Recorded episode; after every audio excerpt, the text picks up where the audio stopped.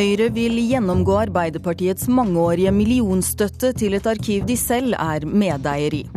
Skrik-performer Marina Abramovic med sin første performance i Skandinavia i går, og vår kunstanmelder gir sin dom. Og er det greit å si handikappet eller mørkhudet? En ny språktest skal finne ut hvor støtende vår språkbruk er. Du skal også få høre om Oslofilharmoniens nye dirigent Vasilij Petrenko, som romantiserer Sjostakovitsj i for stor grad på sin siste utgivelse, ifølge vår anmelder her i Kulturnytt, hvor Elisabeth Tøtte Hansen sitter i studio. Først til Høyre, som reagerer på at Arbeiderpartiet har doblet støtten til et arkiv de selv er deleier i.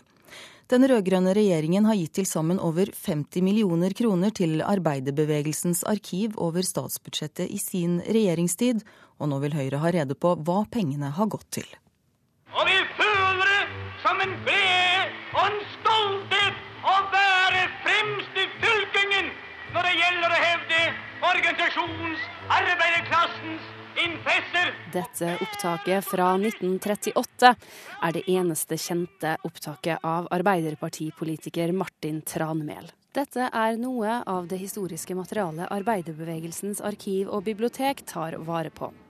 Arkivet har eksistert i over 100 år og eies av Arbeiderpartiet og LO. Den rød-grønne regjeringen har i løpet av sin regjeringstid gitt til sammen over 50 millioner kroner til arkivet. Det årlige beløpet har doblet seg fra 3,8 millioner i 2005 til over 7,5 millioner kroner i forslaget til neste års budsjett.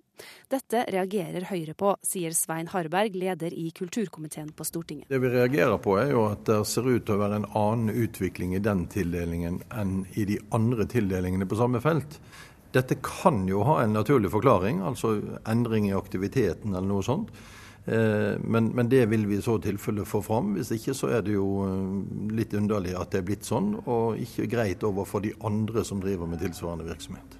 Nå har han sendt et brev til kulturminister Toril Vidvei, som vil se på saken. Det er noe som vi nå går igjennom for å finne grunnlaget for det. Og jeg har også fått et spørsmål skriftlig spørsmål om det, og det kommer til å bli besvart. Arbeiderbevegelsens arkiv og Misjonsarkivet i Stavanger er de eneste privatarkivene som har fått driftsstøtte fra statsbudsjettet de siste årene. Det finnes ifølge Kulturrådet et trettitalls arkivinstitusjoner i Norge som tar vare på private arkiver fra lag og organisasjoner. Disse har konkurrert om en pott på ca. 3 millioner kroner per år fra Kulturrådet. Arbeiderpartiet avviser at de tilgodeser et arkiv de selv eier, sier kulturpolitisk talsperson i Arbeiderpartiet Rigmor Aasrud. Nå har jeg sett eh, på tilskuddene fra 2010 og fram til 2014. Og det er andre arkiver som har hatt en langt større prosentvekst eh, i sine tilskudd, eller arbeiderbevegelsens arkiv har. Så jeg syns det er vanskelig å se at det er sånn. Ja, nå har ikke jeg klart å gå tilbake og se på utviklinga på alle tilskuddspostene som uh, departementet har. Men vi har hatt en eh, bevisst prioritering av mange kulturformål. Og det som overrasker meg litt nå med Høyre, at man kom inn og fikk ansvar for kulturfeltet, er jo at det virker som de er mer opptatt av å finne muligheter for å kutte, eh, omfordele, flytte på penger, enn å se på utvikling av innhold til kvalitet. Og det overrasker meg litt. Høyres Svein Harberg sier de vil vurdere å kutte i bevilgningen til arkivet. Så da må vi se på om den tildelingen eh, skal stå videre, eller hvordan vi skal gjøre det. Men det er viktig for oss at alle dras med i det viktige arbeidet som dette tross alt er. Arbeiderbevegelsens arkiv og bibliotek ønsker ikke å uttale seg om saken før de har fått en henvendelse fra Kulturdepartementet. Reporter var Eirin Venås Sivertsen.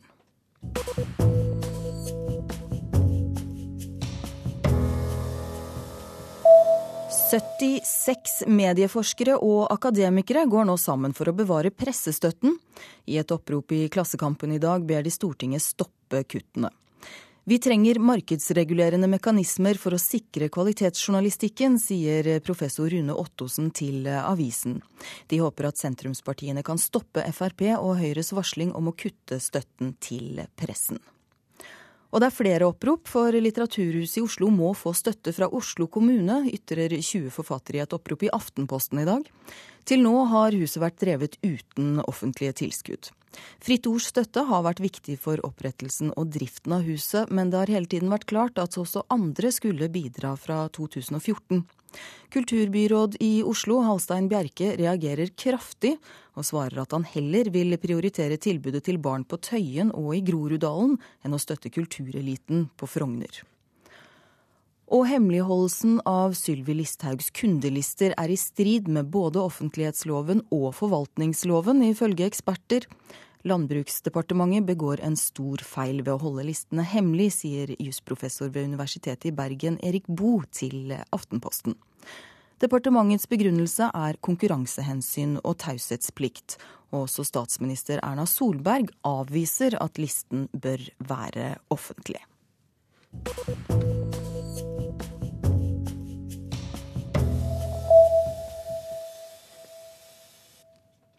I går, ja, I går holdt den omstridte kunstneren Marina Abramovic sin eh, første performance i Skandinavia. Vi hørte litt av den her, og det skjedde da Munch-punktet ble innviet i Ekebergåsen i Oslo. Stedet hvor eh, Edvard Munch skal ha fått inspirasjon til sitt verdenskjente verk 'Skrik'. Og nå skal du få høre litt mer av hvordan Abramovic eh, hørtes ut da hun skrek.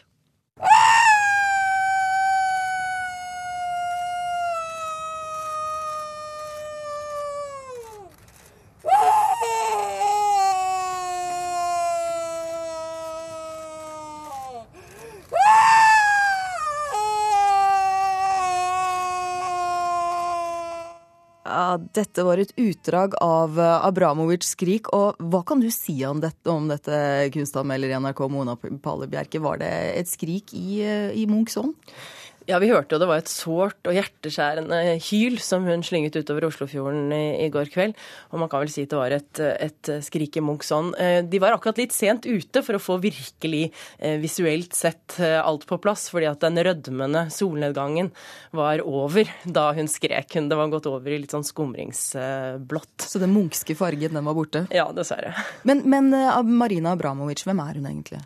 Altså, dette er en serbisk performance- og videokunstner verdensberømt. Eh, hun var født i 1946 og omtales gjerne som performancekunstens bestemor.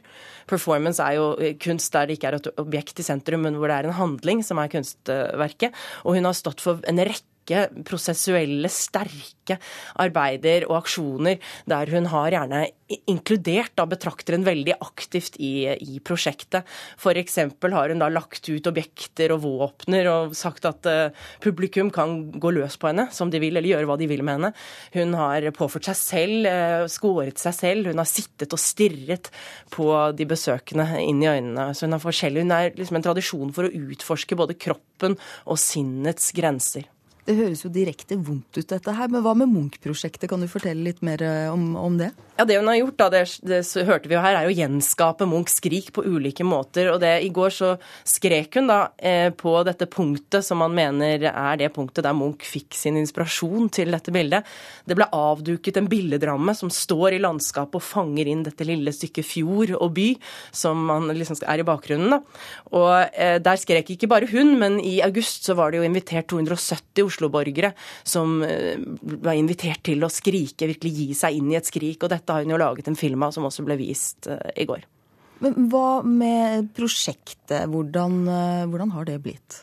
Altså det er jo sånn, Selve grunnideen er jo uhyre enkelt, kan man si, og grenser jo helt til det litt banale. Det å sette opp en ramme sånn mot utsikten, og der man kan liksom stå og brøle. Ja, For da står man inne i rammen? Ja, ikke ja. sant. Så på en måte som en kopi av Skrik. da. Det, det, blir jo litt sånn som turister helt naturlig gjør i Vigelandsparken. At de etterligner liksom skulpturenes positurer og lar seg fotografere.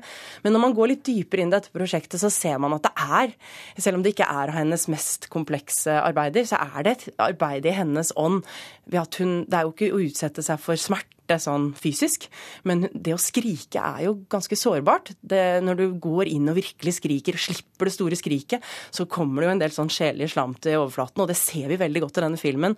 Rett etter de har skreket, så kommer det liksom frem en sorg og en smerte i øynene deres. Noen av menneskene brister over i gråt, noen er helt utmattet. Så det er jo på en måte også et psykologisk eh, eksperiment da, som hun gjør eh, her. Ja, for jeg må jo innrømme bare å høre det utdraget av skriket her. Det, det, det kjennes jo i kroppen. Så, så, er det dette skriket en spennende replikk til, til Munch, syns du? Ja, det syns jeg faktisk også langt på vei. For det hun gjør litt her, opplever jeg er at hun fortsetter, eller forsøker noe av det samme som jeg tenker meg at Munch forsøkte med sitt skrik. Da, å åpne et rom for den dype menneskelige livsangsten.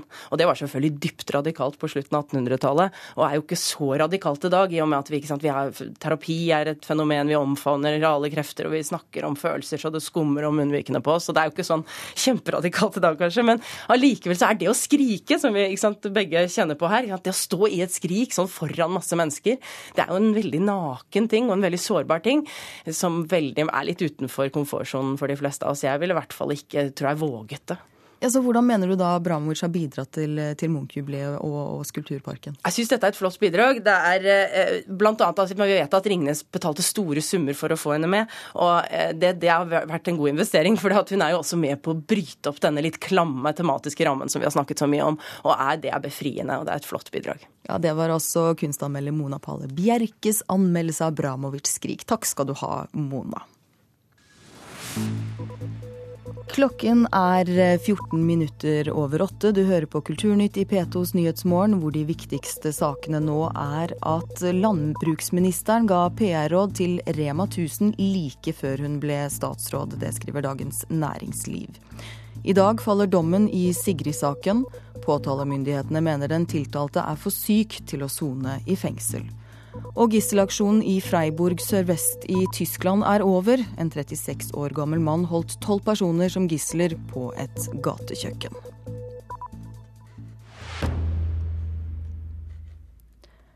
Ved hjelp av en språktest skal forskere finne ut hvor upassende vår språkbruk er. Ord som evneveik og kortvokst har gått ut av de flestes vokabular, men hvilke ord kan man bruke uten å støte noen? Jeg vet ikke, Mongo sa man kanskje mye før. Det var liksom greit. Det hører jeg ikke så mye nå lenger. Det var jo i sin tid ordet neger. Det ble jo veldig støtende etter hvert. da. Vi brukte jo veldig mye som barn, men eh, etter hvert så ble det veldig upassende. Og også dette der med negerarbeid ble jo veldig støtende. Nei, Jeg husker, jeg husker vi brukte guling. Vi hadde en lærer fra, fra Asia. Da var det guling. Det gikk det. Hun syntes det var greit nok da, men jeg vet ikke om det I hvert fall sa at hun syntes det var greit nok. Hvilke ord bruker vi egentlig når vi skal beskrive hverandre? Et knippe språkforskere forsøker nå å finne ut hvor støtende ordbruken vår er, gjennom en ny språktest.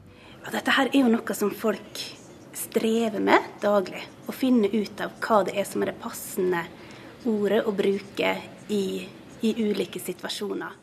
Edith Bugge, språkforsker ved Universitetet i Bergen, har vært med på å lage testen, der du blir utfordra til å velge hvilke ord du ville ha brukt i forskjellige situasjoner. Hun sier det ikke finnes noen fasit på hva som er korrekt språk. Hva som er støtende ord, og hva for ord som er støtende, det forandres jo hele tida, og det er avhengig av situasjonen. Og det er avhengig av hvem du snakker med, og hva de oppfatter som støtende. Skal vi spille da, Else? Hvem kan seilafler uten vind? I dette første programmet eh, vil vi vise barn som bor hjemme, og som er så heldige å ha plass på et av de meget få daghjemmene for evneveike her i landet. På 60-tallet var det akseptert å bruke ord som evneveik i Rikskringkastingen, mens man i dag ville valgt helt andre ord. Selv om støtende ord blir bytta ut med tida, er det ikke alltid at meningsinnholdet endres, sier språkforsker Bugge. Og vi ser det at for, for en del ord så har vi nesten en slags altså, uh, utbytting, hvor man bare bytter ut ordet med jevne mellomrom, uten at man egentlig forandrer holdninga til, til det som ordet beskriver. Bugge trekker frem noen emner hvor man bør være ekstra forsiktig med ordbruken. Går på folks utseende, eh, funksjonshemming, seksuell orientering, eh, etnisk tilhørighet. En del sånne emner der, der vi ofte merker at vi må litt, eh, litt, tenke oss litt mer om. Og er du usikker på om det du sier kan virke støtende, så anbefaler språkforskeren deg å spørre om råd. Alminnelig folkeskikk å spørre folk hva de helst vil kalles sjøl. Og om du veit det, så er det jo enklere. Reporter her var Helga Rognstad. Og hvis du fikk lyst til å ta testen og sjekke hvor upassende eller upassende ditt språk er, ja, da kan du gjøre det på vår nettside nrk.no.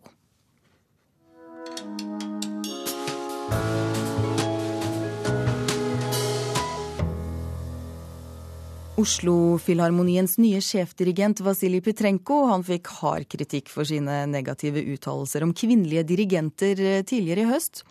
Nå er Petrenko ute med en ny CD hvor han dirigerer sitt andre faste orkester, Royal Liverpool Philharmonic Orchestra, i Dmitrij Sjostakovitsjs berømte Leningrad-symfoni.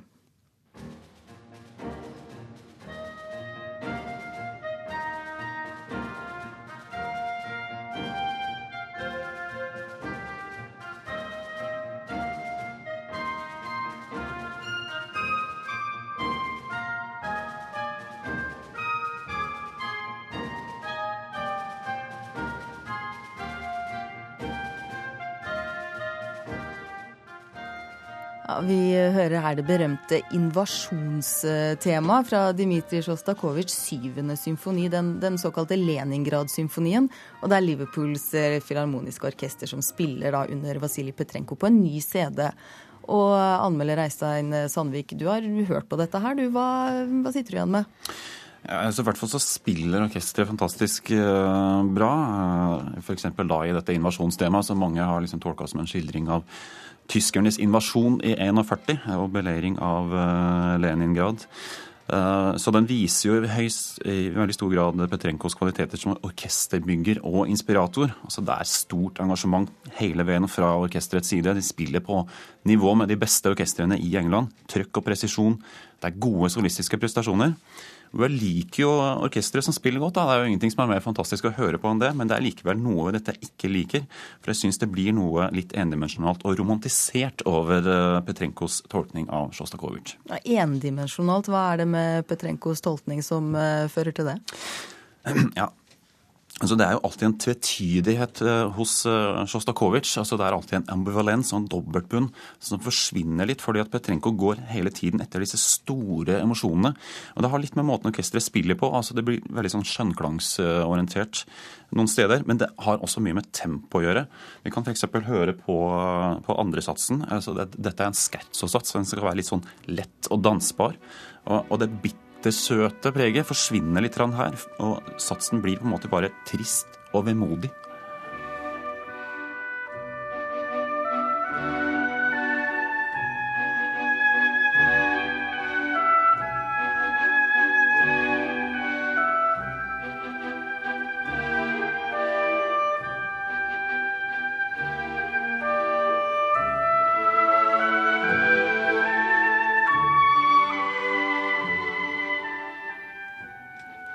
Dette her det er altså andre sats fra Sjostakovitsjs Leningrad-symfoni, fremført av eh, Liverpool-filharmoniens orkester, som vi har hørt, og Vasilij Petrenko da, som dirigent. Og du sier altså at dette blir for endimensjonalt, eh, Øystein. Hvorfor det? Ja, Altså, dette anstøket av wiener kabaret og utholdelig letthet som skal være en del av denne satsen, sånn som jeg opplever det, den blir på en måte borte her. Eh, og hele dette universet til Sjostakovitsj, ikke sant, altså, som skildrer da denne klaustrofobiske tilstanden det er å leve under et totalitært regime. Sant? Hva er sant, og hva er propaganda? Hva er ekte følelser, og hva er bare spill for galleriet? Og hele tida den tvetydigheten, ironien, ambivalensen blir borte når da uh, Petrenko hele tida satser på på disse store personene som han uh, da fremhever her. Ja, hva, hva, tror du er motivasjonen bak denne romantiseringen, da? Nei, altså Det kan jo bare være et ønske om å skille seg ut og gjøre noe annet. Altså Det er jo mange som har spilt inn dette før. Men det virker som det er litt en trend da blant uh, russiske dirigenter at man spiller Sjostakovitsj nærmest som det var Tsjajkovskij. Det er litt det samme med Valerij Gergiev, som kom med en innspilling av sangverket nylig med Marinskij-operaens uh, orkester. Man kan jo spørre om dette er en slags ny kanonisering av Sjostakovitsj som, som, russisk nasjonalikon, da, hvor mye av det ubehagelige ved Sjostakovitsj glattes over. Uh, og her er liksom markant forskjell fra litt eldre innspillinger. Jeg husker f.eks. med glede Janssons, Maris Janssons, også en tidligere dirigent av. Oslo han spilte inn dette verket i 88, før murens fall, med det som da het Leningrad Filharmoniske Orkester. Og det er mye mer sånn besk og usentimental og kompromissløs måte å nærme seg Sjostakovitsj på, som jeg savner da her hos Petrenko.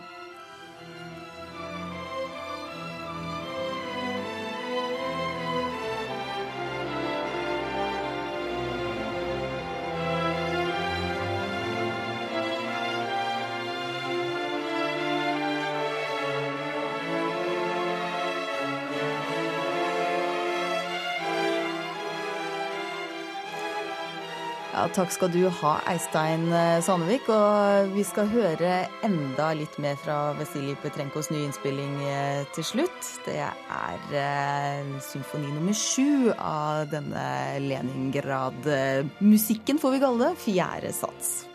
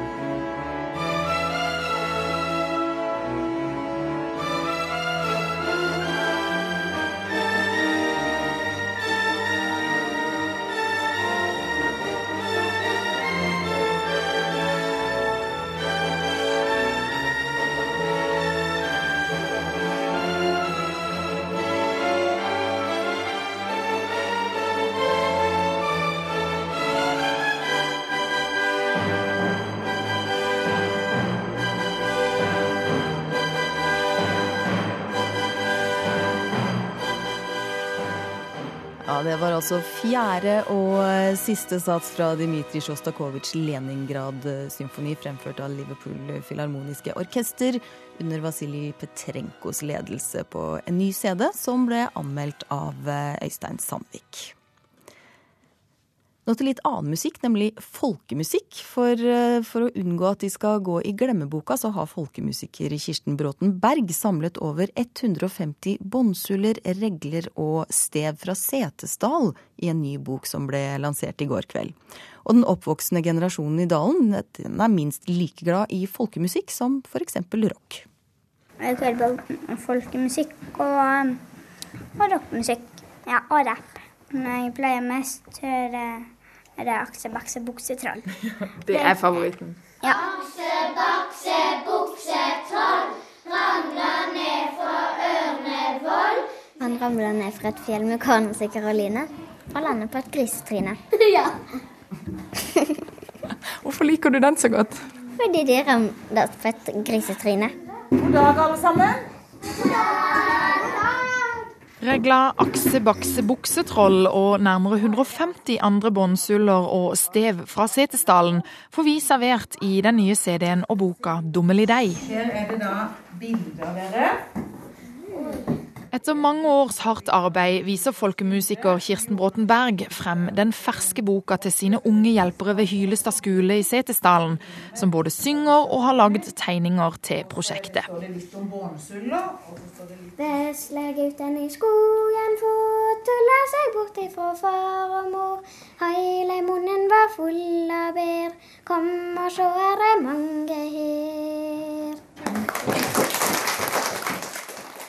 Selv om disse ungene nå kan bånsullene på rams, har Kirsten Bråtenberg vært nervøs for at denne tradisjonen skulle gå i glemmeboka. Jeg har vært veldig redd, engstelig for at det skal gå ut av tradisjonen. Og det gjelder jo ikke bare det her, det gjelder òg den folkelige sangtradisjonen, som jeg har vært veldig engasjert i. For det, noen, vi har liksom tatt det for gitt at noen passer på det de her vanlige leikaringsangene, de er det jo leikaringene som har tatt seg av. Men når ikke rekrutteringa er noe særlig stor der, så blir det jo borte. Og sang i skolen er jo ganske fraværende.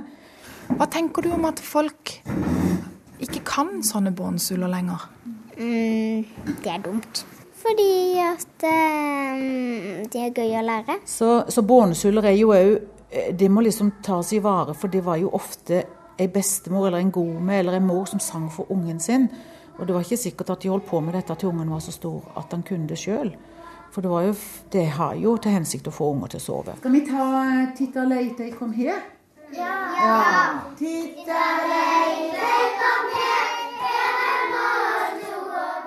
Men entusiasmen som barna har vist gjennom prosjektet, gjør folkemusikeren trygg på at tradisjonene fra Setesdalen vil leve videre i mange år. Jeg tror um, Iallfall så er det blitt lettere for de lærerne og de som jobber i barnehage, å, å finne stoff nå som, som er enkelt å presentere. Det som er spesielt med det her, er at stoffet finner vi jo gjennom hele landet. Temaene.